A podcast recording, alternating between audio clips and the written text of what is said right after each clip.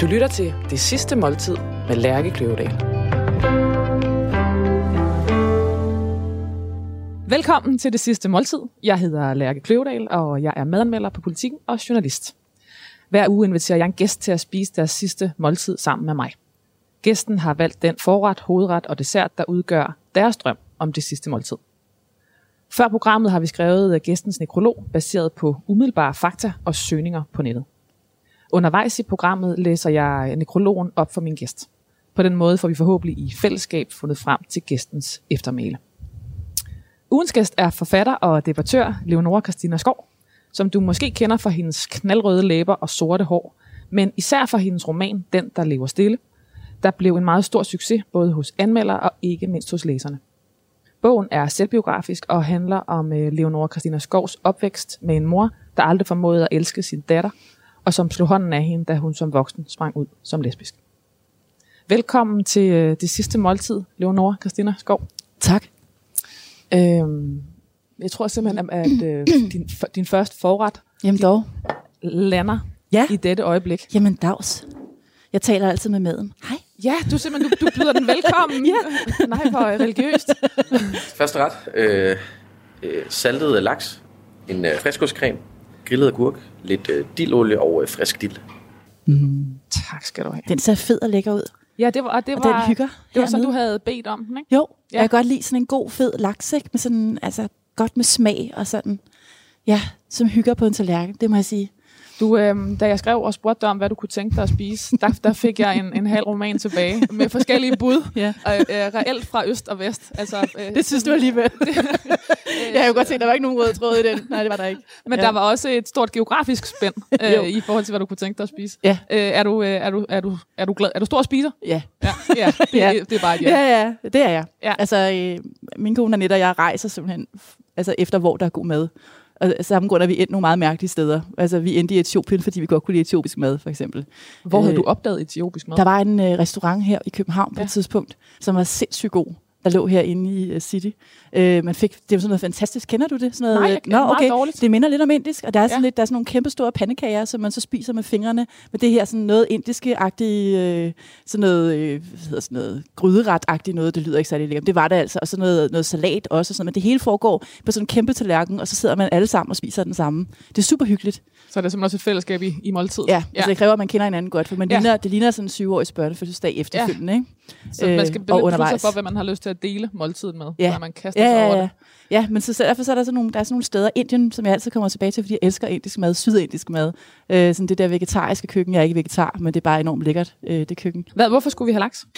Åh, men ja, det er fordi, jeg synes, det er sådan en, altså lige nu er det bare sådan godt, det er godt tidspunkt at spise laks, synes jeg, sådan om vinteren, og jeg synes bare, at det sådan, det sådan, det indbegrebet er sådan fed, en fed ting. Altså jeg havde nok foretrukket, at der også havde været avocado til den her ret, ikke? Ja.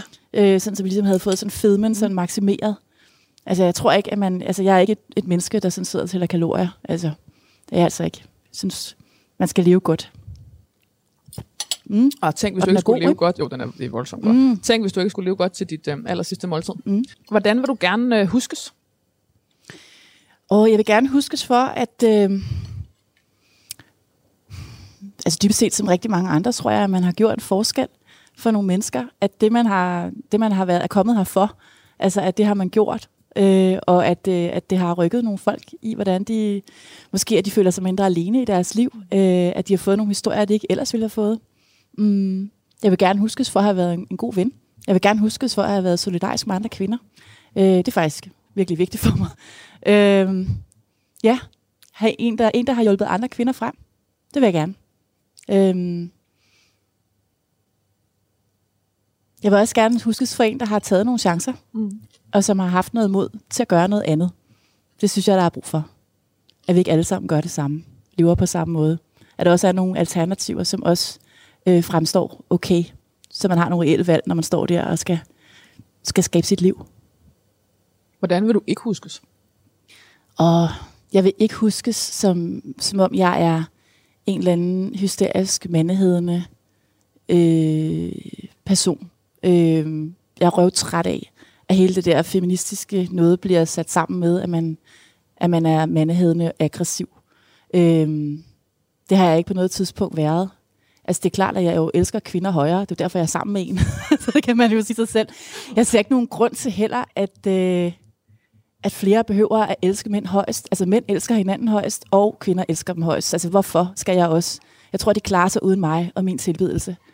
Øhm, så sådan noget, de der, alle de der ord, der er knyttet til det, vil jeg helst ikke huske så. Øhm, og hele det der med, øh, altså et ord, jeg hader, altså noget, det der med, at man er, har fravalgt børn. Mm. Jeg har ikke fravalgt børn. Jeg har aldrig overvejet at vælge børn til.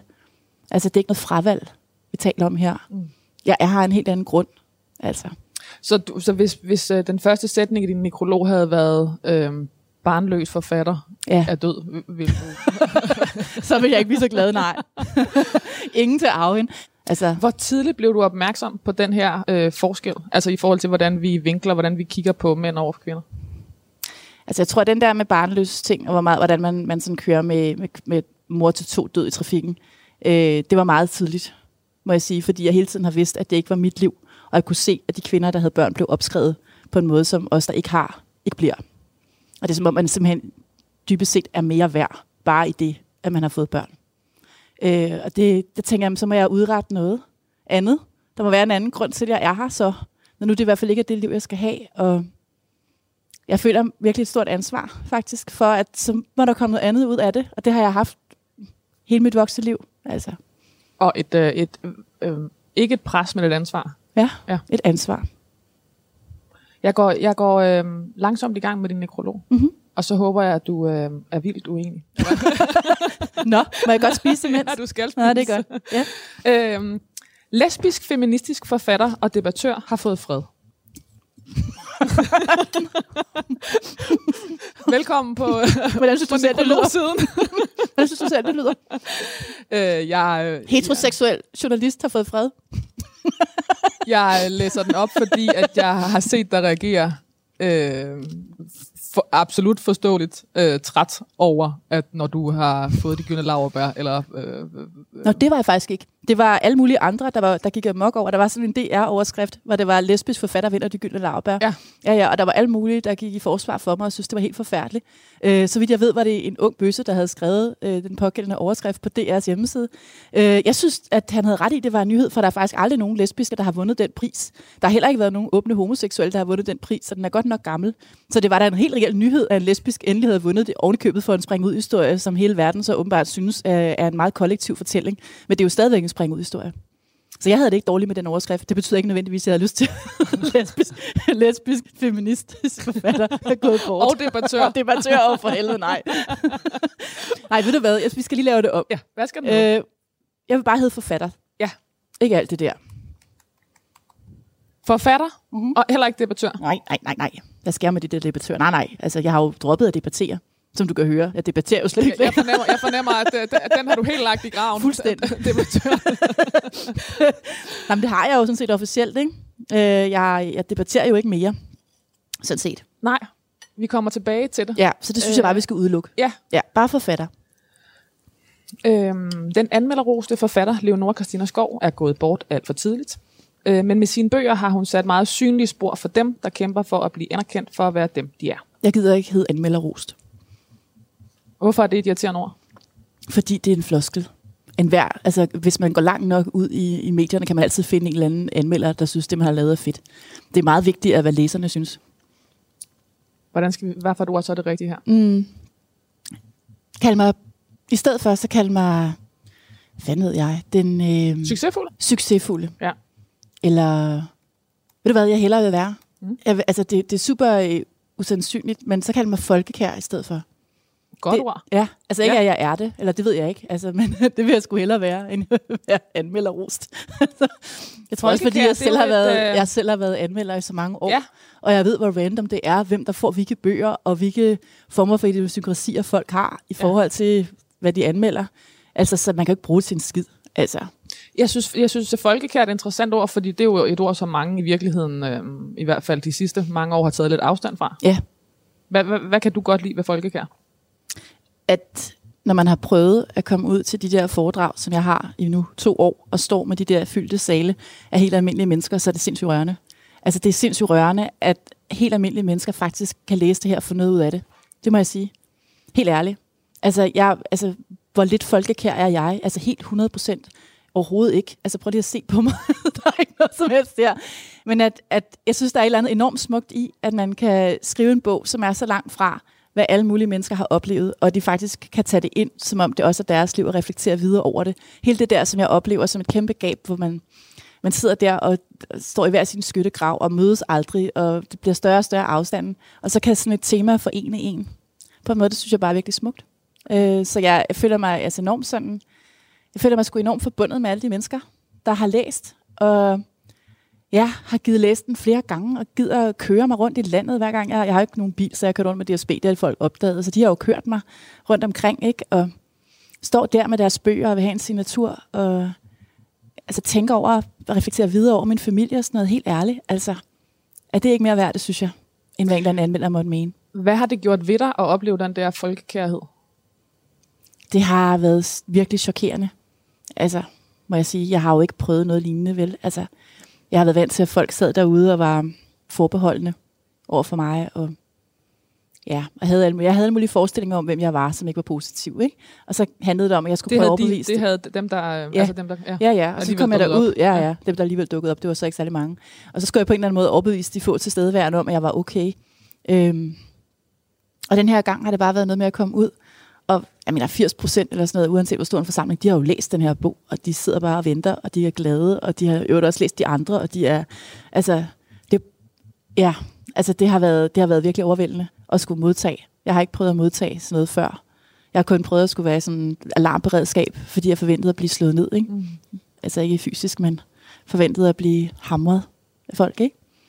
Så pludselig er jeg slet ikke behøvet det, at bare kunne stå deroppe på den der scene, og kunne se ned på rækkerne, og kunne se, at folk øh, er glade. Det har taget noget tilvænding. Ja. Bare sådan noget med at lære, hvordan tager man imod et bifald. Ja. Altså, det var ikke noget, der lå til mig. Nej. Øh, de første mange gange, der, der stod jeg og pakkede sammen imens, fordi tænkte, så holdt de vel op med det. de behøvede ikke blive ved. Tak, tak, jeg har hørt det. Altså, jeg kunne godt se, der måtte ske et eller andet med det der. Jeg blev nødt til at lære, hvordan fanden man gjorde. Og jeg spurgte Ellen Hillingsø på et tidspunkt, som jeg kender, og hun sagde, at jeg blev nødt til at lære det der, for det var sådan noget, man lærte på teaterskolen faktisk første år. Det nærmest som om det første, man lærte overhovedet. Det var, hvordan man gjorde det. Det var faktisk vigtigt at sende folk ud i verden med en god følelse, og at folk følte, at de altså, havde fået sagt tak. Ja. Ja. Man skal, Den kunne, grad. man skal kunne modtage et tak. Ja. Hvordan gør man? Man står helt stille, øh, og så smiler man ud over publikum, og så ser man på dem, og så siger man tak. Og så kigger man den anden vej og siger tak, og det bliver man sådan set ved med, indtil de holder op med at klappe.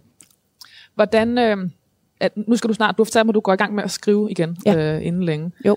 Øh, tænker du, om succesen kan, kan øh, spænde ben for dig? Øh, jeg tænker rigtig meget om det her. Altså, altså jeg er da enormt angst for at skulle skrive videre. Altså selvfølgelig. Mm. Jeg ville da lyve, hvis jeg sagde andet. Øhm, jeg ved jo, at, at øh, folkestemninger kan vinde. Mm. Jeg ved, at succes er forbigående ofte. Mm. Jeg tror, øh, hvis jeg havde været en mand, ville jeg sikkert have tænkt, wow, endelig har de opdaget min storhed. Mm. Øh, det er ikke sådan, jeg tænker. Øh, for mig er det altid sådan lidt shit, at det her for real, og holder det ved. Sådan har jeg haft det i to år nu, har jeg tænkt, det her holder jo nok snart op.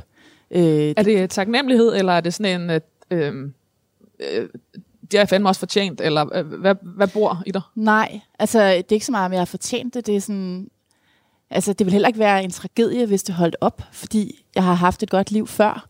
Altså jeg kunne rejse, for eksempel, øh, rundt i verden. Det var jeg glad for. Det har jeg ikke kunnet, siden jeg kunne rejse rundt i Danmark med DSB. Øh, Altså, fordi du simpelthen har for travlt. Ja. Ja. Øhm,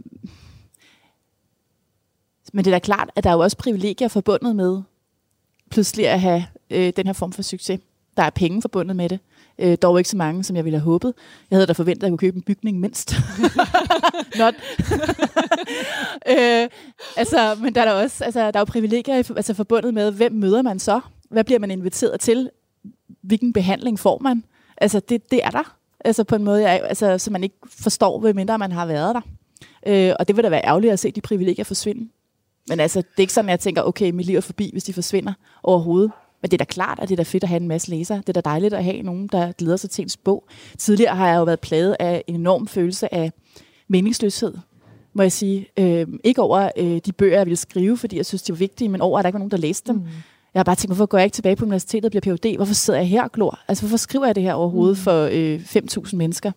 Det giver ikke nogen mening for mig. Og den men- meningsløshed er trods alt har ændret sig. Den fordi meningsløshed er væk. Ja, den er væk. Ja. Ja. Den er der ikke. Ja. Så, så det, jeg er mest bange for, er selvfølgelig, okay, kan jeg leve op til? Altså, kan, kan, altså bliver læserne lige så glade for den næste? Eller bliver det bare den der, sådan, og det var nok en toer? Mm. Eller det er det jo så ikke, for det er bog nummer syv. Men altså, kan, de, kan, altså, vil de også kunne lide den? Ikke? Fordi det er stadigvæk uklart for mig, hvad det er, jeg har gjort, som gør, at de er så glade for nummer et. Mm. Øh, eller nummer et er det jo ikke, men altså, de andre har de jo ikke været glade for på den måde, så hvad, hvad er det, det her kan? I don't know. så derfor er det, det er jo svært at gøre det igen. Det er jo ikke som om, jeg har skrevet en krimi øh, med et fast univers, og så kan jeg skrive en til. Jeg har en god ven, som øh, øh, fik meget stor succes som meget ung. Ja. Og, øh, og, øh, og ligesom blev genkendt på gaden fra Overnight. Øh, og han, han har fortalt, at han var enormt taknemmelig over det, fordi han, han sagde, at han troede sgu egentlig godt, at han kunne være blevet lidt et dumt svin. øh, altså simpelthen bare som, som, som menneske. Øh, så, og det der med, at folk ligesom genkendte ham, gjorde at han, at han øh, også når man sad klokken 7 om morgenen på et eller andet værtshus, at han lige tog sig lidt mere sammen. Mm. Øh, og øh, kan du genkende det? Mm. Altså, Ja, det kan jeg godt. Man tager sig sammen i det offentlige rum. ja. Man smiler til folk, for eksempel. Det gør jeg. Ja. Altså, smiler til alle, fordi de smiler til mig. Ja. Altså, man kan ikke gå igennem det offentlige rum og se ligeglad ud og være sådan lidt vred, vredladende at se på. Det kan Nej. Annette heller ikke, min kone. Altså, hun Nej. bliver sgu også nødt til at se Ja. ja. venlig ud, for hende kender folk også. Øh, og de stopper mig jo også på gaden. Folk er enormt søde. Der er ikke noget med noget. De står ikke og fortæller deres livshistorie. De, de er bare sådan, undskyld, undskyld, og jeg vil bare sige. Og så går de videre, ikke? Nu hedder den altså, øh, den folkekære forfatter, Leonora Christina Skov, er gået bort alt for tidligt. Øh, Nej, nej, ikke alt for tidligt for fanden. Jeg regner med at blive oldgammel. altså, altså, men, altså, det er jo sådan, at du dør nu. Er det rigtigt? Det er jo derfor, vi spiser det sidste måltid. Nå, for undskyld. og så vil jeg nok sige alt for tidligt. Alt for tidligt. Jeg ville gerne have været 100 år. Ja, men øh, det er den præmis, du er gået ind på. Mm, undskyld. Jeg bliver nødt til at sige det. Ja. Så, så derfor er øh, alt for tidligt simpelthen i sin ret. ja, det synes jeg ja. faktisk, du har ret Ja. i. Men med sine bøger har hun sat meget synlige spor for dem, der kæmper for at blive anerkendt for at være dem, de er. Kan du leve med den underrubrik? Mm, nej. Jeg synes i hvert fald, du skal skrive alle. Altså for alle, der kæmper for at dem, de er. Ellers har vi to gange dem, det lyder dårligt. Vi skal Ja. ja. også have en, en... For alle, der kæmper for at blive anerkendt for være dem, de er. Ikke for, altså spor for dem, der kæmper for at blive For anerkendt for, for være dem. Det lyder dårligt. Jo. Jeg kan ikke have en, en nekrolog, der er dårligt skrevet. Nej, det har du fuldstændig ret i. Det er jo derfor, vi sidder med den sammen, ikke sandt? For alle, der kæmper for at blive anerkendt for at være dem, de er. Ja. Så langt, så godt. Vi er, øh, vi er fire linjer nede, det bliver skide godt. Ja. Det bliver et langt måltid. er det kun tre retter? Ja. Den røde læbestift, sko med høje hæle og farvestrålende kjoler. Leonora Christina Skov lyste op. Hun lignede ikke en, der levede stille. Det liv, hendes seneste bog drejede omkring. Hun blev født i 1976 og voksede op som enebarn i Helsinge uden for Hillerød. Faren havde en ledende stilling i Danmarks Radio, og moderen var, eller moren var økonome. Hun var bare syv år, da hun vidste, at hun ville være forfatter. Så langt, så godt. Så langt, så godt. Leonora Christina Skov blev student fra Helsinge Gymnasium og flyttede herefter til København for at læse psykologi på universitetet. Men da hendes tætteste veninde døde, mærkede hun, at hjertet lå et andet sted og begyndte at læse litteraturvidenskab. I de samme år sprang Leonora Christina Skov ud med sin første kvindelige kæreste til sin families udelte rædsel og efterfølgende syv år uden kontakt. Hmm. Det er sandt. Og det er jo hele den her historie, du, øh, du fortæller om i din, øh, i din bog. Ja. Øh, skulle din mor dø for, at du kunne skrive den historie? Ja. Ja. Og min mormor. Ja. Kan du ikke prøve at fortælle mig om den frisættelse, der sker, når en forælder dør? Jo, altså for mig... Som jo i øvrigt er ret tabubelagt at sige højt. Jo, jo. Men lige meget, hvordan relationen i øvrigt har været, Ja, så kan det være besværligt at sige, at det var... øh, det er svært at sige, at man ikke føler sig elsket, ikke? Jo. Øh, det, for man, det man siger man også, at man på en eller anden måde... Altså, man tænker jo selv, når, nu siger jeg også, der er noget galt med mig, siden mm. mine forældre ikke kunne elske mig, ikke? mm, det er jo, altså, det er jo et monster tabu, du ja. har taget ja, op i ja, ja, og åbenbart helt almindeligt. Øhm, jo, altså for mig handlede det jo om, at jeg havde de her relationer, både min mor og min mormor var sådan nogle, der troede med at dø. Øh, og at det altid var nogle andres skyld, for eksempel min skyld. Ikke? Så min mormor var ved at dø af sit dårlige hjerte øh, hele tiden, faktisk siden hun var 40, hun døde så af noget helt andet, da hun var 98 og sådan noget. Ikke? Men, så der var den her sådan, skyldspålæggelse i familien, øh, og min mor havde den samme kørende, da hun fik øh, brystkræft og mente, det var min skyld og sådan noget. Så jeg følte en enorm stor skyld og ansvar øh, over for de her menneskers liv. Og øh, jeg var bange for, at de ville dø, hvis jeg skrev om dem. Derfor. At det simpelthen vil slå dem ihjel. Ja. Ja. Og selvom det kan lyde, øh, hvilket jeg synes, det ærligt talt lyder, det lyder jo ikke sandsynligt, men jeg kunne simpelthen ikke forestille mig, at jeg kunne leve videre, hvis de gjorde. Og jeg ville gerne leve videre. Har du selv haft lyst til at dø i al den trussel om død? Nej. Nej, aldrig. Øh, det har jeg ikke. Jeg er ikke særlig tungsindig. Øh, jeg har været alt muligt. Jeg har været rasende. Jeg har været afmægtig, men jeg har aldrig, har aldrig været, været deprimeret og suicidal. Hold da op. Det der ligner et lam. Altså, og et stort stykke Et lam. stort stykke dejligt lam. Hallo. Hallo, hallo. Jamen, så er vi nået til øh, hovedretten. Der er brasseret lammeskank, en sauce lavet på brassellagen. Ja. Der er røget og glaseret øh, bedre og lidt syltet tyttebær. Åh. Tusind Hallo. tak. Prøv lige, for, prøv lige at beskrive... Øh, altså, Jamen, vi har jo en tallerken her med sådan en ordentlig motherfucker lam, ikke? Som ligger i sådan, med sådan et eller andet... Hvad har vi ovenpå? Hvad tror du, det er? jeg tror, det er Nogle bær. øh, rips. Måske Rips. nogle tyttebær, noget Ja. brødkruton og så noget, sådan noget lidt gremolata-lignende med... Eller i hvert fald noget hakket persille. Tak til øh, madanmelderen. Og øh, er du sikker på, at det ikke var dig, der skulle, måde skulle beskrive det her måltid for mig? Jeg siger bare, at vi har en motherfucker stykke kød. en, et motherfucker i midten af en kæmpe, Sådan, kæmpe ikke? Altså, mm, hvor ser det godt ud. Det dufter dejligt. Ja, det dufter helt Det er vildt godt. virkelig Jeg er skønt. utrolig glad for lam. Det er altså den sologrund til, at mig øh, og vegetar aldrig bliver en kombi. Altså. Det er simpelthen larmet, der gør Ja, det er ja. lammet, der gør det. Jeg synes, lam er guddommelig spise, altså.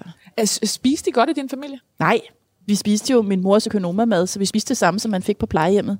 Ja, det er jo selvfølgelig et meget sigende billede.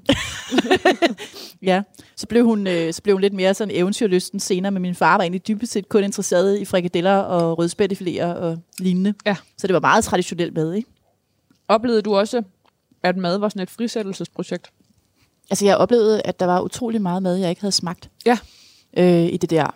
I, I kender jo alle sig. Altså, jeg mener, det var helt traditionelt krebinetter og mm. den slags, og hvide kartofler og gryderne på bordet, ikke? Øhm, så da Ingrid og jeg blev kærester, det var hende den første kæreste, mm. du nævnte der, hun var en kvinde, der kom fra øh, sådan en øh, rig familie nord for København, mm. og de spiste jo anderledes, og drak sancerre og sådan noget, ikke? Ting, jeg aldrig havde prøvet før, og jeg synes, det var enormt eksotisk. Og øh, der, er bare, der var bare så meget mad, opdagede jeg, jeg ikke kendte, og ikke havde smagt. Mm. Og, øh, og også her i København, jeg mener, det var jo det, det vildeste, man kunne få, var jo fandme tegmad. Altså, det var jo ligesom der, vi var på det tidspunkt, ikke? Sådan, så, Hvilket årstal har det været? øh, altså, vi var sammen fra 96 til 2000. Ja. Øh, og deromkring år 2000 husker jeg det der tegmad, som om det var sådan det hotteste. De der små steder nede ved Istegade. Ja. Det var sådan det vildeste, man kunne få, ikke? Og wow, jeg havde aldrig smagt noget lignende, og hvor var det fantastisk. Og så gik det bare op for, hvor mange andre køkkener der var. Og sådan noget. Så det, for mig har det bare været altså, helt øjenåbnende. Mm. Det der med at spise alting. Altså, det har jeg virkelig gjort. Jeg har også spist forpenis i Indre Mongoliet. det smagte ikke godt, men jeg har da smagt det. Men du kunne ligesom Og hjerne og øh, sådan præcis tjekke den af på, øh, på den liste. Ja, ja, ja. Forhjern har jeg også fået i Indien og sådan noget. Ja, ja. Fordi du simpelthen synes, Jeg spiser alt, undtagen gorgonzola. hvad er der med gorgonzola? Smager helvedes til. Det, det er et stort pres at leve med, at ens mor og mormor fortæller en, de vil dø. Mm. Øhm, og det er øh, vildt for et relativt ungt menneske at få at vide, at øh, man ikke øh, er velkommen i sin... Ja, jeg var i 21, sin, ikke? Ja. Og altså, Altså- med far for at virkelig bringe kliché op, altså det er jo sådan noget, man ser fra 80'er film med, øh, med øh, homoseksuelle, der springer ud, og, der, og dermed ikke, altså det er sådan, det er sådan amerikanske film, altså så vil deres familie ikke se, se dem. Altså er, er- det, har du oplevet det som en del af, af det homoseksuelle miljø, Ja, at, at, at, for, at forældre og familier afskriver deres unger? Ja, altså der, øh, da jeg sprang ud, var det jo stadigvæk sådan, at homostederne holdt øh, åben juleaften. Simpelthen fordi der var folk, der ikke havde nogen steder at være. Det havde jeg heller ikke. Øh, der var flere juleaftener, hvor jeg ikke havde nogen steder øh, at holde jul. Så endte jeg med at tage op til min veninde Maria øh, i Helsingegnen og holde jul sammen med hende og hendes forældre. Men det var simpelthen fordi, der ikke var nogen, der havde inviteret. Altså min familie foregav jo, at jeg ikke eksisterede. Øhm, Og du er enebarn, så der var heller ikke en, øh, Nej. en, en søster, en bror? Det var der ikke. Og så var der jo der var dele af familien, som, som sådan set var på min side. Øhm, men det var på den der måde, hvor jeg var inviteret, øh, ikke til de der øh, arrangementer, hvor der kom andre til stede, men alene, og så kunne de godt sådan øh, udtrykke deres øh, opbakning, øh, men der var ikke nogen, der måtte vide, at vi sås. Resten af familien og lokalsamfundet måtte ikke vide, at øh, du kom på besøg. Nej. Så det var, det var sådan, ikke? Det var sådan bag om ryggen på mine forældre, for de ville jo blive sure, hvis de vidste. Og de ville jo ikke ligesom rodes ind i noget. Og på den måde bliver man så rodet ind i noget på deres side, kan man sige. Den, der tiger samtykker. Ja. Og er der mange, der har fået erkendelser i dit liv, efter den bog kom frem? Ja, det tror jeg nok. Men altså, der har også, altså, min mors familie, øh, min mor har to brødre. Øh, I bogen optræder de, den ene af ham, som der min, på min mors dødsleje vælger at blive i København for at holde møde, og den anden går i seng. Så der kommer ingen af hendes brødre på hendes dødsleje. Øhm, og de har holdt en, øh, må man sige, meget lav profil, som I overhovedet ikke lavet høre fra sig. Øh, min, min mors familie, eller min fars familie har været mere åbne.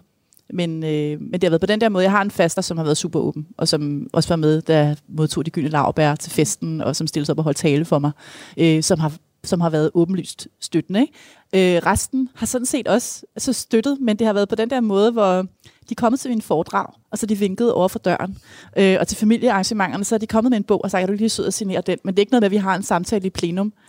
Eller så har, så har øh, en faster øh, læst, at jeg ikke havde nogen billeder øh, fra min, ja, mit liv, øh, fra før jeg flyttede hjemmefra, fordi mine forældre brændte det hele, da jeg sprang ud. Øh, og øh, så kommer hun med billeder til mig. Så er det sådan noget. Hvordan, hvad gør man ved den ensomhed? Altså det er jo lige før, jeg, er ikke sikker på, at jeg mener, hvad jeg siger, men det er jo lige før, det ville være nemmere, hvis, hvis ens forældre var døde i et, altså i et trafikuheld. Altså det der med, at de er der, men ikke er der. Mm. Hvad, hvad gør man som 21-årig? Jeg var utrolig ked af det. Jeg havde aldrig rigtig prøvet at have det godt. Det var måske mit held, sådan set. Altså, så jeg havde ikke noget at sammenligne med. Og jeg, jeg tog det sådan set en dag ad gangen. Det er, meget, det er meget lavpraktisk, men jeg skrev jo dagbog til mig selv, og det kan jeg se, det er det, jeg gjorde. Altså, nu tager du en uge til. Nu sådan og sådan. Og jeg lavede sådan planer for mig selv. Og meget sådan, du skal kunne klare dig selv. Du bliver nødt til at... Du var Ja. bevidst om, at du blev nødt til at lave en overlevelsesstrategi. Ja, det var jeg. Øhm, og så prøvede jeg jo at få folk ind i mit liv, som jeg kunne stole på, som på en eller anden måde kunne gøre det ud for en familie. Det viste sig at være sværere end ventet. Øhm, dels var jeg ikke altså, trænet i at have venner. Jeg vidste ikke, hvordan man gjorde. Øh, faktisk, jeg, mine forældre havde ikke nogen venner, og jeg var ikke rigtig klar over, hvordan man, hvordan man sådan sørgede for, at folk blev der. Og øh, jeg gjorde for meget. Øh, jeg gjorde alt muligt. Altså blev du irriterende? Øh, nej, jeg tror ikke, jeg blev irriterende, men jeg tror, at, at det betød, at jeg ikke havde nogen grænser i forhold til, altså de kunne på en eller anden måde altså, behandle mig rimelig dårligt, og jeg ville stadigvæk se. Øhm, simpelthen fordi, øh, fordi jeg var bange for at miste dem, for så havde jeg jo ikke nogen. Debatmiljøet var et, du opsøgte? Eller hvordan, hvordan kom, hvordan øh, var Mm, det? var det. Øhm, altså det startede sådan set bare med, at jeg at Ingrid og jeg var gået fra hinanden, og øh, jeg var blevet mere og mere sådan ej over, hvad jeg synes, jeg oplevede som sådan virkelig voldsom diskrimination. Øh, jeg stod ligesom der, nu er jeg single, øh, og jeg begyndte at skrive om det her, med de fordomme, jeg havde oplevet. Og, øh, og jeg oplevede ligesom, at altså, det var frisættende for mig. Og så begyndte jeg at opsøge de her feministiske miljøer, hvor nogen på en eller anden måde havde læst nogle tekster, som man ikke læste på litteraturvidenskab på det tidspunkt, fordi det var så utrolig retro, man stadig læste Julia Kristeva, selvom det var det, man læste i 80'erne, og nu er vi altså i øh, starten af nullerne. Øh, så øh, det, var, det var helt retro, så jeg tænkte, hvad, hvad læser de unge? Hvad læser, hvad læser de på min alder and, på andre fakulteter? Og så blev jeg introduceret til queer-teori og Judith Butler og hele det der hejs, øh, og, og begyndte at ligesom, kunne danne mig en eller anden overbygning på det, jeg havde oplevet som diskrimination. Og, så det var, det, var med, det var det, der var min drivkraft dengang. Og så gik det så over til at handle mere om, om kvinders rettigheder. Øh, det gjorde det jo i, i de her øh, forer, jeg, jeg befandt mig i, og det var fint med mig. Du tog nærmest livet af dig selv, altså på, som debattør, ikke? Jo, det gjorde jeg jo. Ja, jeg, jeg, jeg af, aflyste mig selv som debattør. Det gjorde jeg, og det føltes i lang tid, og det føles stadigvæk som en, som en stikkelse. Det gør det. Jeg føler mig stikket af ikke at kunne mene de ting, jeg nu Mm. mener. Øhm, men jeg har synes, at mine bøger var vigtigere. Ja. Ja. Og jeg tænkte, hvis der skulle være nogen chance i helvede for, at det der skulle kunne vende, så bliver jeg faktisk nødt til at holde op. Øhm, Hvad, hvad gjorde, at du stoppede? det var efter første elsker. Det var efter, øh, at min, altså den blev, det var mig, der blev anmeldt, og Ja, ja. ikke min bog, der ja. ja. blev anmeldt. Og da jeg så det, havde det sådan, okay, det er simpelthen som om, det er mine børn, de står og skyder på. Det kan jeg ikke leve med. Nej. Det var en bog, jeg havde brugt flere år på at skrive. Øh, det var som om, folk troede, det var en debatbog. Øhm, så det var den oplevelse, og så samtidig med, øh, så var min mormor lige død, og min mor er blevet syg igen for sidste gang med brystkræft. Og jeg synes, men det var så utrolig hårdt. Jeg kunne simpelthen ikke være i et miljø, hvor jeg blev, har, hvor jeg blev hadet på på den måde. Mine bøger blev trampet ihjel, og mine øh, nærmeste relationer var enten døende eller syge. Ikke? Så, så droppede jeg det. Øh, og følte bare altså, en, en enorm stor trang til at mene alt muligt, som jeg så undlod. Men det, altså, det er jo også et vildt valg at være en offentlig person, og også en... Øh, også i kraft af dit udseende meget øh, øh, synlig, tydelig person. Ja. Øh, havde du også lyst til at lave det om, dit Nej. udseende om? Jeg, altså, jeg, jeg kan huske, at jeg tidligt fik at vide, at der var meget galt med mig. Altså, der var det der galt med, at jeg ikke skulle anmelde, fordi så ville jeg aldrig blive taget alvorligt. Jeg skulle ikke være feminist, jeg skulle ikke være lesbisk, jeg skulle heller ikke se sådan her ud. Altså, det var sådan alt, der var galt. Øhm, og jeg, har jo bes, altså, jeg besluttede jo ret tidligt, at det ville jeg skide på. Jeg ville gøre alle de der ting, og det kunne ikke være rigtigt. Og det viste sig sådan set at være rigtigt på mange måder, at det blev super meget sværere for mig. At være lesbisk blev super meget sværere for mig, fordi så troede alle de heteroseksuelle, jeg skrev lesbiske bøger, øh, som nok ikke var for dem. Øh, jeg, jeg hørte, var mandehedende. Hver gang jeg skrev en, en øh, anmeldelse i avisen af en mands bog, øh, som var kritisk, så fik, var der læserbreve om, at jeg skulle fjernes som anmelder, øh, fordi jeg jo var mandehedende og lesbisk. Alt sådan noget der. Det var jo røvirriterende. Så, så jeg synes, det har været... Jeg synes, altså, der er ingen tvivl om, at det har taget længere tid for mig at komme igennem med noget, fordi jeg har stået i vejen. Men lige præcis mit udseende, det jeg synes var for letterligt. Det må jeg indrømme. Der er det bare sådan, nu må det stoppe. Det må stoppe. Ja, ja. Ligesom jeg ikke har tænkt mig at gå tilbage i skabet og blive gift med en mand. Ikke? Nej. så det må ligesom holde op. Ja. Det er sådan her, jeg ser ud. Altså. Jeg vil også gerne kende mig selv. Jeg er jo ansigtsblind, så Er du ansigtsblind? ja. Er det rigtigt? Mm. Det er heller ikke så sjovt. Nej, altså, jeg sidder bare her og synes, det er vildt spændende. Beklager. Ja. Ja. Så, altså, det, du kan simpelthen ikke genkende... Øh, Mig selv, for eksempel. Kan du genkende din kæreste? Nej. Jeg kan godt genkende mig selv, når jeg, når jeg ser sådan her ud, fordi jeg kan godt genkende tegneseriefigurer, og jeg er jo ret, altså du kan godt se, der er jo kørt kontrasterne, jeg har kørt maksimalt op her, ikke? Ja. Øh, ja, det hjælper på det. Så Ja. hvis alle bare sådan fik ordentlige kontraster ind i deres, i deres ansigter, så ville det gå meget lettere for mig. Så tror jeg da fanden, at du vinker til alle. Jamen, det gør jeg også glad. ja, ja, jeg kender ingen. Ja, ja. Men det gør jeg jo ikke. Jeg kan genkende folk på alt muligt andet, men, altså, Men det det går ikke, sige, de skifter mere- frisyrer eller Nej, tøj. jo, så jo mere en signatur klar øh, folk omkring dig er, ne- netop med enten med meget rød læbestift, eller med voldsomt rødt hår, eller hvad det kan være, så, ja. Så, er der, så kan du ligesom, men, men ansigtet i sig selv er forsvindende. Ja, jeg kan ikke, øh, hvis jeg lukker øjnene, så kan jeg ikke genkalde mig, hvordan folk ser ud. Og Heller har du altid selv. haft det sådan? Ja, ja det var desværre en medfødt ting. Nå, okay. Ja. Ja, så jeg, jeg kan ikke genkende, øh, altså det, jamen det kan jeg ikke, og derfor er der jo ting, der er svære for mig, for eksempel sådan noget med film. Jeg kan jo ikke, jeg kan jo ikke følge med i et plot i en film. Jeg Ja. kan ikke se, hvem der er hvem.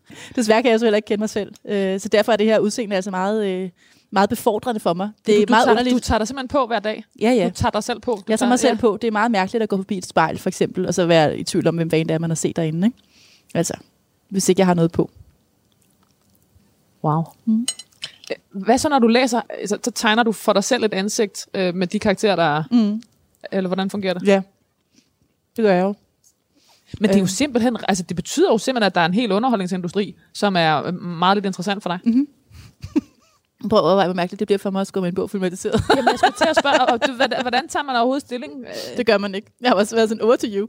Øh, jeg går ind over manuskriptet selvfølgelig, men jeg skal ikke ind over noget som helst andet. Folk spørger, hvem der skal spille mig. Jeg har det bare sådan, altså, tror I selv på, at jeg kender den ene skuespiller fra den anden? det, det har været ret irriterende, når jeg skulle... Øh, altså for eksempel, skulle, når jeg skriver fiktion og skal skrive om den ene eller den anden person, så bliver jeg jo nødt til at, at bygge dem på, på faktiske mennesker, øh, som jeg har billeder af. Og så gemme billederne, sådan så jeg kan kigge på dem, når jeg skal beskrive et ansigt. For jeg kan ikke genkalde mig noget som helst, der giver mening. Du har billeder liggende ved siden af, når du skriver? Nej, jeg har det på min computer. Ja, ja, men... Ja, folder Ja. ja. Med, med den ene eller den anden karakter, Ja. ja. så jeg kan beskrive det rigtigt. Mm. Det synes jeg ikke skal med i nekrologen dog. Anse, Danmarks kendteste ansigtsblinde. Okay, der, er, øh, det, det næste her er lidt mere formalia, kan man sige. Mm-hmm. Leonora Christina Skov blev i 2005 øh, MacArt i litteraturvidenskab. Magart. Magart, tak. Mm-hmm. Den er også uddød, så jeg forstår godt, du kender den. Men Afdød nu grad. afdød. Ja, Øh, Uddød grad. Ja, fra Københavns Universitet på en afhandling om Frankenstein, gotisk litteratur og ny feministisk litteraturteori. Ved siden af forfatterskabet fungerede hun som litteraturanmelder på, ved Politiken og senere ved Weekendavisen. Hun deltog jævnligt i programmer som Smagsdommerne på DR2 og masser af Monopolet på P3. Vi er ikke på fire nu, tror jeg. P4 nu. Mm. Hendes skønlitterære forfatterskab blev indledt med romanen Rygsvømmeren i 2003, men det blev med den sjette roman, Den, der lever stille, Leonora Christina, Leonora Christina Skov opnåede det store folkelige gennembrud og modtog flere priser. Blandt andet øh, boghandlernes øh, gyldne laverbær i 2019. Jeg har også fået et treårigt arbejdslæg i 2010. Ja, det skal vi også have ind, ikke? Det synes jeg. Det var et kæmpe vendepunkt for mig. Det giver sig selv et vendepunkt for mig. Øh, ja, 2010 fik jeg, fik jeg det treårige arbejdslegat for, efter Silhouette Synder. Det var første gang, jeg egentlig oplevede nogen som helst tage det, jeg lavede alvorligt.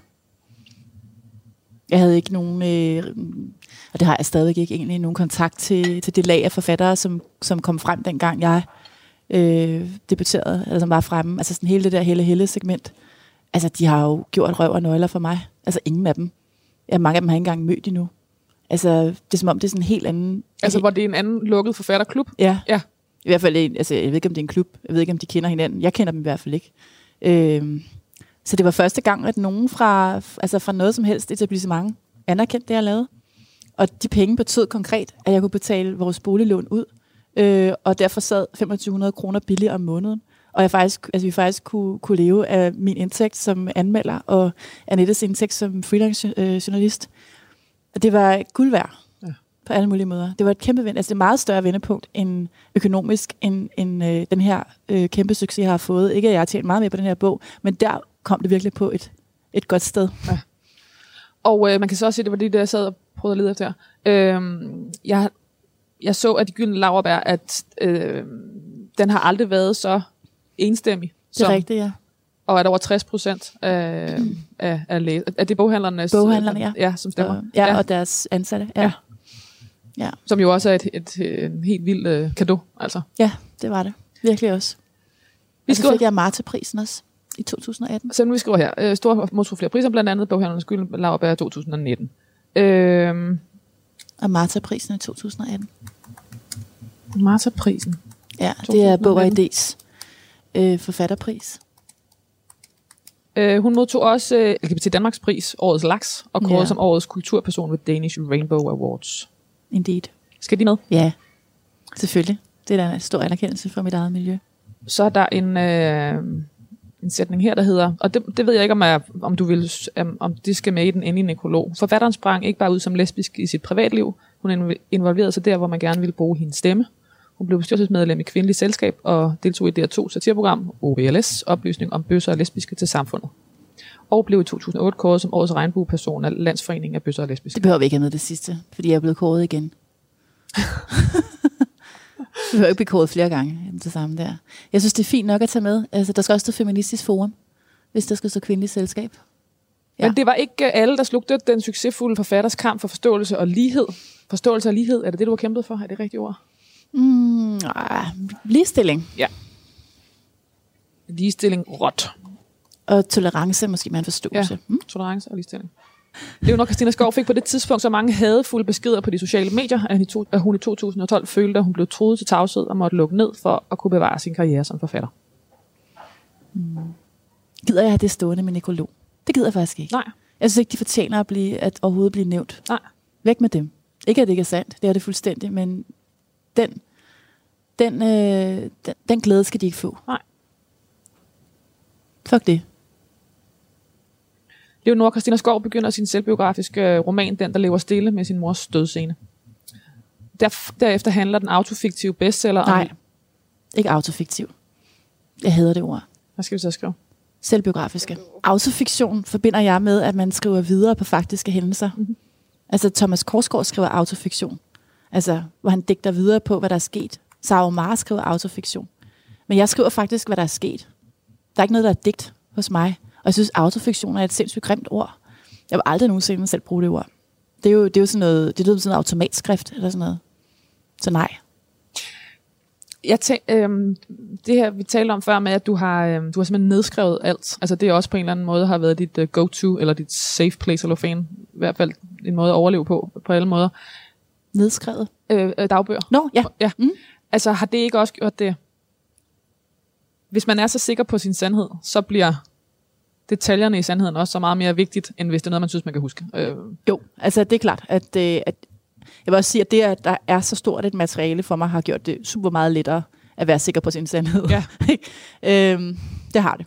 Men man Øh. kan sige, du bevæger dig jo, i den, altså i den, der lever stille, bevæger du dig jo ud i et sindssygt øh, udskældt øh, format. Mm. Altså, Ja. fordi at den, altså man kan sige, den, den, det, det, det er jo altid rigtigt, at det kun er din sandhed. Mm. Og på den måde er den også nem at angribe for folk, der var omkring dig, som bare tilfældigvis oplevede det anderledes. Ja, har der ikke været så mange, der gjorde. Øh, jeg tror, min far har været den eneste, der, der uden at han dog gået i detaljer, men har oplevet tingene anderledes. Andet ville også undre mig. Øhm, ellers er der sgu rimelig stor opbakning omkring det, jeg har skrevet. Jeg har ikke altså, oplevet særlig mange, der har været dybt uenige i det. Har det, har det været en styrke for overhovedet at ture ankomme, øh, udkomme med den historie, at detaljerne var så præcise? Ja, det har det. Også i forhold til min far faktisk, for jeg vidste, at sådan noget med detaljer er noget, han går op i. Ja. Øhm, og jeg vil ikke byde folk, når jeg kalder dem deres rigtige navne, at der skulle være nogen slinger i valsen. Det synes jeg ikke, man kan tillade sig. Så må man give dem et andet navn Ja. øhm, i de tilfælde. Til dessert får I uh, indisk uh, kulfiis med pistache og kardemomme. Og det er sådan nogle små pinde. Det er pindeis. Det er simpelthen blevet til en pindis. En- En, en kulfi pindis. Kulfi pindeis. Mm. Jeg ved, at uh, Alban har konsulteret sin ven, en indisk kok, Mm-hmm. for at få, uh, for smage den som det, du tænkte på. Mm. Jeg kan rigtig godt lide det der kulfi-is. Hvad er det i din bevidsthed? Og det minder mig bare om Indien. Man kan jo ikke få andet. Altså, Det er det, man spiser på gaderne, og ja, ja, og på café, altså på restauranter til dessert, er det jo kun kulfi-is, eller ingenting. det smager sindssygt godt. Mm-hmm. Ja, der er... Øhm, det vil jeg gerne smage. Er der kardemomme i det her? Ja, masser. Mm-hmm. Ja. Og det er bare sådan en god ingrediens, og super indisk. De kører det der, altså det er bare sådan noget, vi altid tager med hjem. Frisk kardemomme. Det er så lækkert, altså. Mm. Har du haft, øhm, har det været nødvendigt for dig, og øhm, du, du siger, at hvis der er noget, du var i tvivl om, øhm, i, i forhold til det liv, du har levet, den research, du har gjort der, i forbindelse med den, der lever stille. Mhm. Er der noget, du har måttet udskifte, fordi du ikke kunne huske det, og dermed ikke synes, du kunne være bekendt at skrive det, eller Uh. hvor, øhm, hvor tro er du blevet nødt til at være mod øh, din egen øh, hukommelse? Nej, altså der har ikke været noget, jeg ikke kunne huske. Øhm, der var, jo, der var et par år, øh, lige efter min dagplejemor Elinor forsvandt, som jeg ikke kunne huske. Øh, det var meget symptomatisk, vil jeg sige, for hvordan, hvor ulykkelig jeg var over, hun forsvandt for mig. Hun var sådan en morerstatning for mig. Øhm, men Og det et skriver jeg, varmt, øh, ja, men det skriver jeg i bogen. kærligt også. Mm. Ja. Øh, jeg, jeg gør opmærksom på, at, at der er noget, der er forsvundet for mig her, og jeg har sorte, præ- altså sorte, sorte pletter i hjernen, og jeg forsøger at fylde det med noget, jeg ikke kan huske. Øh, det har sådan set været det. Jeg synes, altså, det, der har gjort det, synes jeg, til at holde ud og skrive, har været, at jeg hele tiden har haft det her metalag, hvor jeg har fortalt læserne om, hvad det er, jeg gør. Ja. Øh, sådan så vi, vi faktisk altså, vi ved, hvad dealen er. Alle, der læser, ved, hvad dealen er. Øh, det var vigtigt for mig. Ja. Altså, jeg ville ikke bare... Jeg, jeg havde ikke noget ønske om at kaste nogen for løverne, heller ikke mig selv. Altså, jeg ville bare fremlægge, hvordan jeg havde oplevet det. Ikke? Øhm, og så gik jeg jo tilbage og læste de der kapitler, og det var sgu ikke engang særlig meget, fordi jeg ville have alle detaljerne på plads. Det var mere for at høre, hvordan jeg lød, fordi jeg besluttede, at jeg ville skrive det med den stemme, jeg havde på de Ja. ja. pågældende tidspunkter. Og jeg lød rimelig anderledes, kunne jeg godt se, da jeg var 21, end jeg gør i dag. Altså, Hvordan? og den stemme, jeg var ret vred, ikke? Mm. Og den stemme skulle med. altså, den der kraft, der lå i at ville overleve, skulle med. Øh, så, så jeg læste rigtig meget af det der, simpelthen bare for, for at komme ind i, hvordan fanden jeg talte. Ikke? Og, øhm, og sådan det må også- have været et uh, hardcore uh, møde det var ikke fordi, øh, jeg sådan set havde lyst til at genbesøge den historie på nogen måde. Og jeg var enormt... Øh, jeg mener, man føler sig på den ene side så voksen, når man er 21, på den anden side så ung, ikke? Og når man sådan, når sådan kunne høre, jeg, jeg sad og skrev sådan noget til mig selv med sådan, altså, kan jeg vide, hvornår jeg bryder sammen? Eller sådan, jeg ved ikke, hvor meget jeg kan klare. Eller sådan, det ved man jo ikke, når man er 21, og ikke rigtig har prøvet øh, ja, modgang altså på den måde før. Altså, hvad vil det sige at bryde sammen overhovedet? Hvad er tegnet på det? Øh, ja, hvor stærk er man? Hvornår kunne du så, hvornår var du der, hvor du kunne se tilbage på det og sige, jeg klarede det? Det var meget senere, faktisk. Øhm, det var i hvert fald efter, at Annette og jeg var flyttet sammen i den lejlighed, vi bor i i dag. Og det var i 2003. Jeg tror faktisk, det var helt frem til, at jeg gennemførte litteraturvidenskab. Det gjorde jeg så der i fem. At det føles som et afsluttet kapitel. Alt det, der var sket. Det var så 10 år. øh, hvor vores forhold var svært i starten af alle mulige grunde. Øh, det var sådan et af første længerevarende forhold, og hun var super angst over at flytte sammen med mig, så vi skændtes hele tiden. Så det føltes også som at være i sådan en krisetilstand. Jeg havde solgt min lejlighed, det havde hun også. Vi var flyttet ind i den der, vi havde købt sammen. Det var en kæmpe krise. Men der i fem, der begyndte det sådan at fungere. Så jeg tror faktisk, det var der, det sådan føltes som om, jeg var op efter luft. Altså, Tid er så vild, ikke? Jo. Altså, noget skal man bare stå ud. Altså den Ja. der... ja, ja. Ja. Og igen, var det godt, jeg ikke havde prøvet bedre. altså, Det er en ret vild sætning at sige om sit eget liv. Jeg er glad for, at jeg ikke havde prøvet bedre før, fordi så Ja. tror jeg ikke, jeg havde klaret det. ja. Jamen, det havde jeg jo ikke. Hvis jeg havde haft det godt, er du da sindssygt, så ville jeg jo vidst, hvordan det var. Så havde det været udholdeligt. Er simpelthen, jeg læser lidt den her op igen. Vi mm-hmm. har til dels været igennem det. Leonor Christina Skov begynder sin selvbiografiske roman, Den, der lever stille med sin mors dødsscene. Derefter handler den, øh, den selvbiografiske bestseller om, øh, hvad definerer egentlig en bestseller? Bare for min... Ja, det må du sgu nok spørge om. Jeg tror, at alle og enhver kan jo nærmest kalde sig bestseller. Altså, ikke særlig meget, tror jeg. Jeg tror, man skal have solgt hvad, 2.000 eksemplarer. Okay. Så havner man som regel på bestsellerlisten. Så det er Men- det er dybest set som at sige, at man er terapeut. Altså, det kan være at sige. Vi lader den stå alligevel. Ja. Derefter handler den selvbiografiske, selvbiografiske bestseller om Leonor Christina Skovs opvækst og et barns hine efter forældrenes kærlighed og anerkendelse. Øh, bogen ført til øh, stor anerkendelse fra hendes læsere. Men Hvad, nej, nej, der er to gange anerkendelse der. øh, hvad siger vi? Så siger vi, øh, bogen ført til... Stor kærlighed. Ja! Bogen ført til stor kærlighed fra hendes læsere. Mm-hmm. Mm-hmm. Nu ved jeg ikke, om den holder. Men også fra hendes far. Nej, det er ikke. Der er også kærlighed begge steder her. Ja, mm-hmm. lad os tage min far ud af ligningen. Fordi det er alligevel for meget. Ja. Det er ikke en kærlighed, jeg har følt så meget, vil jeg sige.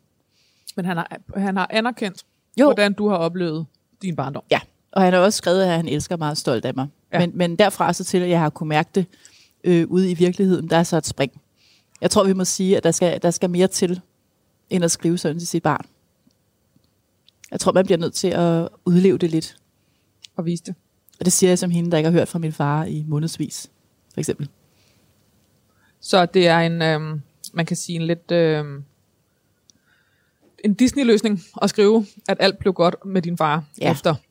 Det synes jeg er en Ja. ja. løsning. Jeg må sige, at realiteten er, at, at min far, så vidt jeg kan se, er virkelig ligeglad med mig.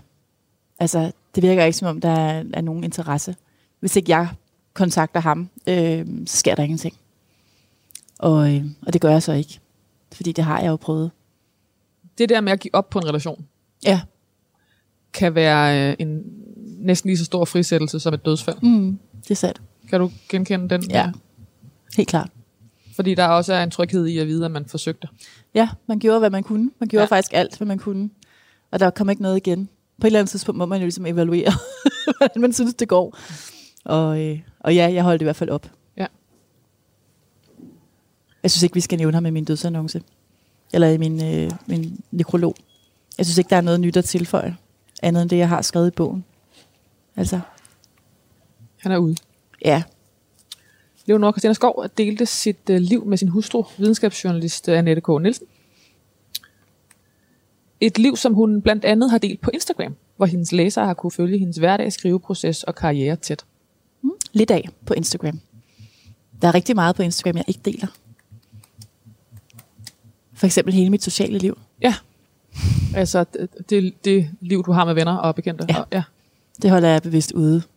Fordi at du tænker, at de ikke nødvendigvis... Øh, Ja, af mange grunde. Dels at, at øh, jeg tror ikke nødvendigvis, at alle, jeg kender, er interesseret i at blive broadcastet for til de nærmest utrolig 40.000 mange. øh, ja, det tror jeg har. ikke. Øh, jeg vil også gerne have en del af mit liv, der er privat. En stor del af mit liv, der er privat. Når nu der er så meget, der er offentligt, så det, bliver det faktisk meget vigtigt, at man ved lige præcis, hvad der ikke er. Så det ved jeg. Der er et, et, et helt liv, som de ikke kender. Du, øh, du deler øh, detaljer om, øh, hvor du øh, køber dine kjoler, og hvilken læbestift du bruger Ja. med dine læser. Ja. Øh, og jeg ved ikke, om det har været en overraskelse for dig, hvor godt folk tager imod det. Det har det. Øhm, Du Ja. deler også alt muligt andet, skal jeg skynde mig at sige. det er rigtigt. Men, men jeg øh, har lige det der kørende, det er rigtigt. Det var Ja. i hvert fald en side af dig, som jeg ikke kendte Nej. tidligere, og som jeg måske heller ikke tror, du ville have det er et gæt, øh, eller et spørgsmål, øh, have øh, brugt tid på for 15 år siden? Ikke at dele. Øh, jeg var bange for, at jeg så ville blive taget endnu mindre alvorligt. Og, øh, og det gør jeg også blandt nogle mandlige, øh, hvad hedder sådan noget, øh, kulturmennesker, ved jeg. Især mandlige. Øh, jeg tror, at de fleste kvinder er enige om, at det faktisk er vigtigt i en eller anden udstrækning. Øh, og jeg synes, det er sjovt. Og, øh, og jeg har sådan en ting med, at, at dem jeg... Altså dels er jeg ikke en, der kører sponsoreret indlæg, fordi jeg har heldigvis råd til at købe min egen ting. Øh, og så vælger jeg altså at støtte mindre businesses af kvinder. Øh, jeg synes, de skal have noget mere trafik og noget synlighed. Så det er faktisk det, jeg laver. Så det er en, også det er en agenda, som er fuldstændig tråd med, hvad du ellers beskæftiger dig med. Og, så, og de mærker, som jeg interesserer mig for, er jo mærker, der ser gode ud, også til meget større kvinder, og som bliver lavet i meget store størrelser. Og det er ikke fordi, jeg selv er meget stor. Jeg er en ganske almindelig størrelse 38. Det er der rigtig mange af mine læsere, der ikke er. Øh, og de vil faktisk også gerne se fede ud i tøjet. Altså ikke fede, men de vil gerne se godt ud i tøjet. Ja. Øh, selv sagt. Øh, så det er ret fedt at have de der mærker, som, øh, som fagner hele spektret, og hvor man stadigvæk kan se virkelig godt ud. Og det er noget, der binder folk sammen. Der er rigtig mange, der til min foredrag sidder i deres flotteste sko og i deres flotte kjoler. Der var en arrangør engang, som var sådan, plejer der at være så mange, der har rødt tøj på? Og det lignede godt nok også en religiøs sekt, der var mødt op til daværende. Det det foredrag. Ikke handmaid's til, håber jeg. det var så sødt. Ja, ja. Altså det der med at blive set. Det der med at blive set øh, af andre kvinder, synes jeg er øh, helt underkendt. Altså, fordi der er jo ikke noget federe. Vi er jo også, man kan jo se, altså det ved man jo, når man, hvis man går klædt som mig, og, og de andre, som, gør, som kører den her stil, så bliver man set på gaden af de andre, som ser sådan ud. Og smilet til, og vinket til. Vi kender hinanden. Vi kender ikke hinanden personligt, men vi anerkender hinandens... Ja, man det er anerkender en hinandens, ny type loge. Ja. anerkender hinandens eksistens, og man komplementerer hinanden på gaden. Øh, og den, den gruppe bliver man en del af, hvis man vælger at klæde sig sådan. Der, vi har en sidste sætning, som hedder, øh, simpelthen hedder æret været hendes minde. Vil du have den stående? Ja, ja. Leonora, Christina Skov, tak fordi du vil være min gæst i det sidste måltid. Jamen, velbekomme.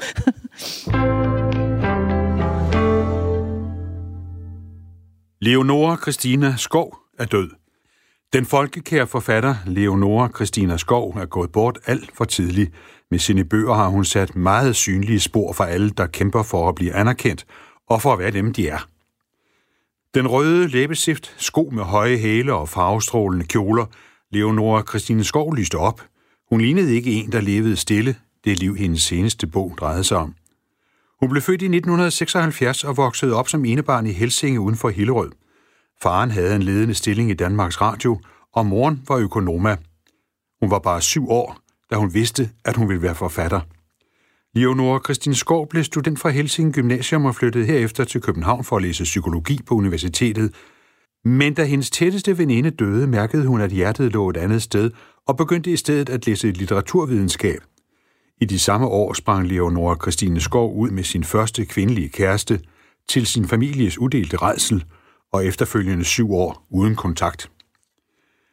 Leonora Christine Skov blev i 2005 mager i litteraturvidenskab fra Københavns Universitet på en afhandling om Frankenstein, gotisk litteratur og ny feministisk litteraturteori. Ved siden af sit forfatterskab fungerede hun som litteraturanmelder ved Politikken og senere ved Weekendavisen. Hun deltog jævnligt i programmer som Smagsdommerne på DR2 og Mass og Monopolet på P3. Hendes skønlitterære forfatterskab blev indledt med romanen Rygsvømmeren i 2003, men det blev med den sjette roman, Den, der lever stille, Leonora Christine Skov opnåede det store folkelige gennembrud og modtog flere priser, blandt andet Statens Kunstfonds treårige arbejdslegat 2010, Bog og Idés forfatterpris, Marta-prisen i 2018 og Boghandlernes Gyldne Lavbær i 2019. Hun modtog også LGBT Danmarks pris Årets Laks og blev kåret som Årets Kulturperson ved Danish Rainbow Awards. Forfatteren sprang ikke bare ud som lesbisk i sit private liv. Hun involverede sig der, hvor man gerne ville bruge hendes stemme. Hun blev medlem af grupperne Kvindeligt Selskab og Feministisk Forum og deltog i DR2's satireserie OBLS, oplysning om bøsser og lesbiske til samfundet.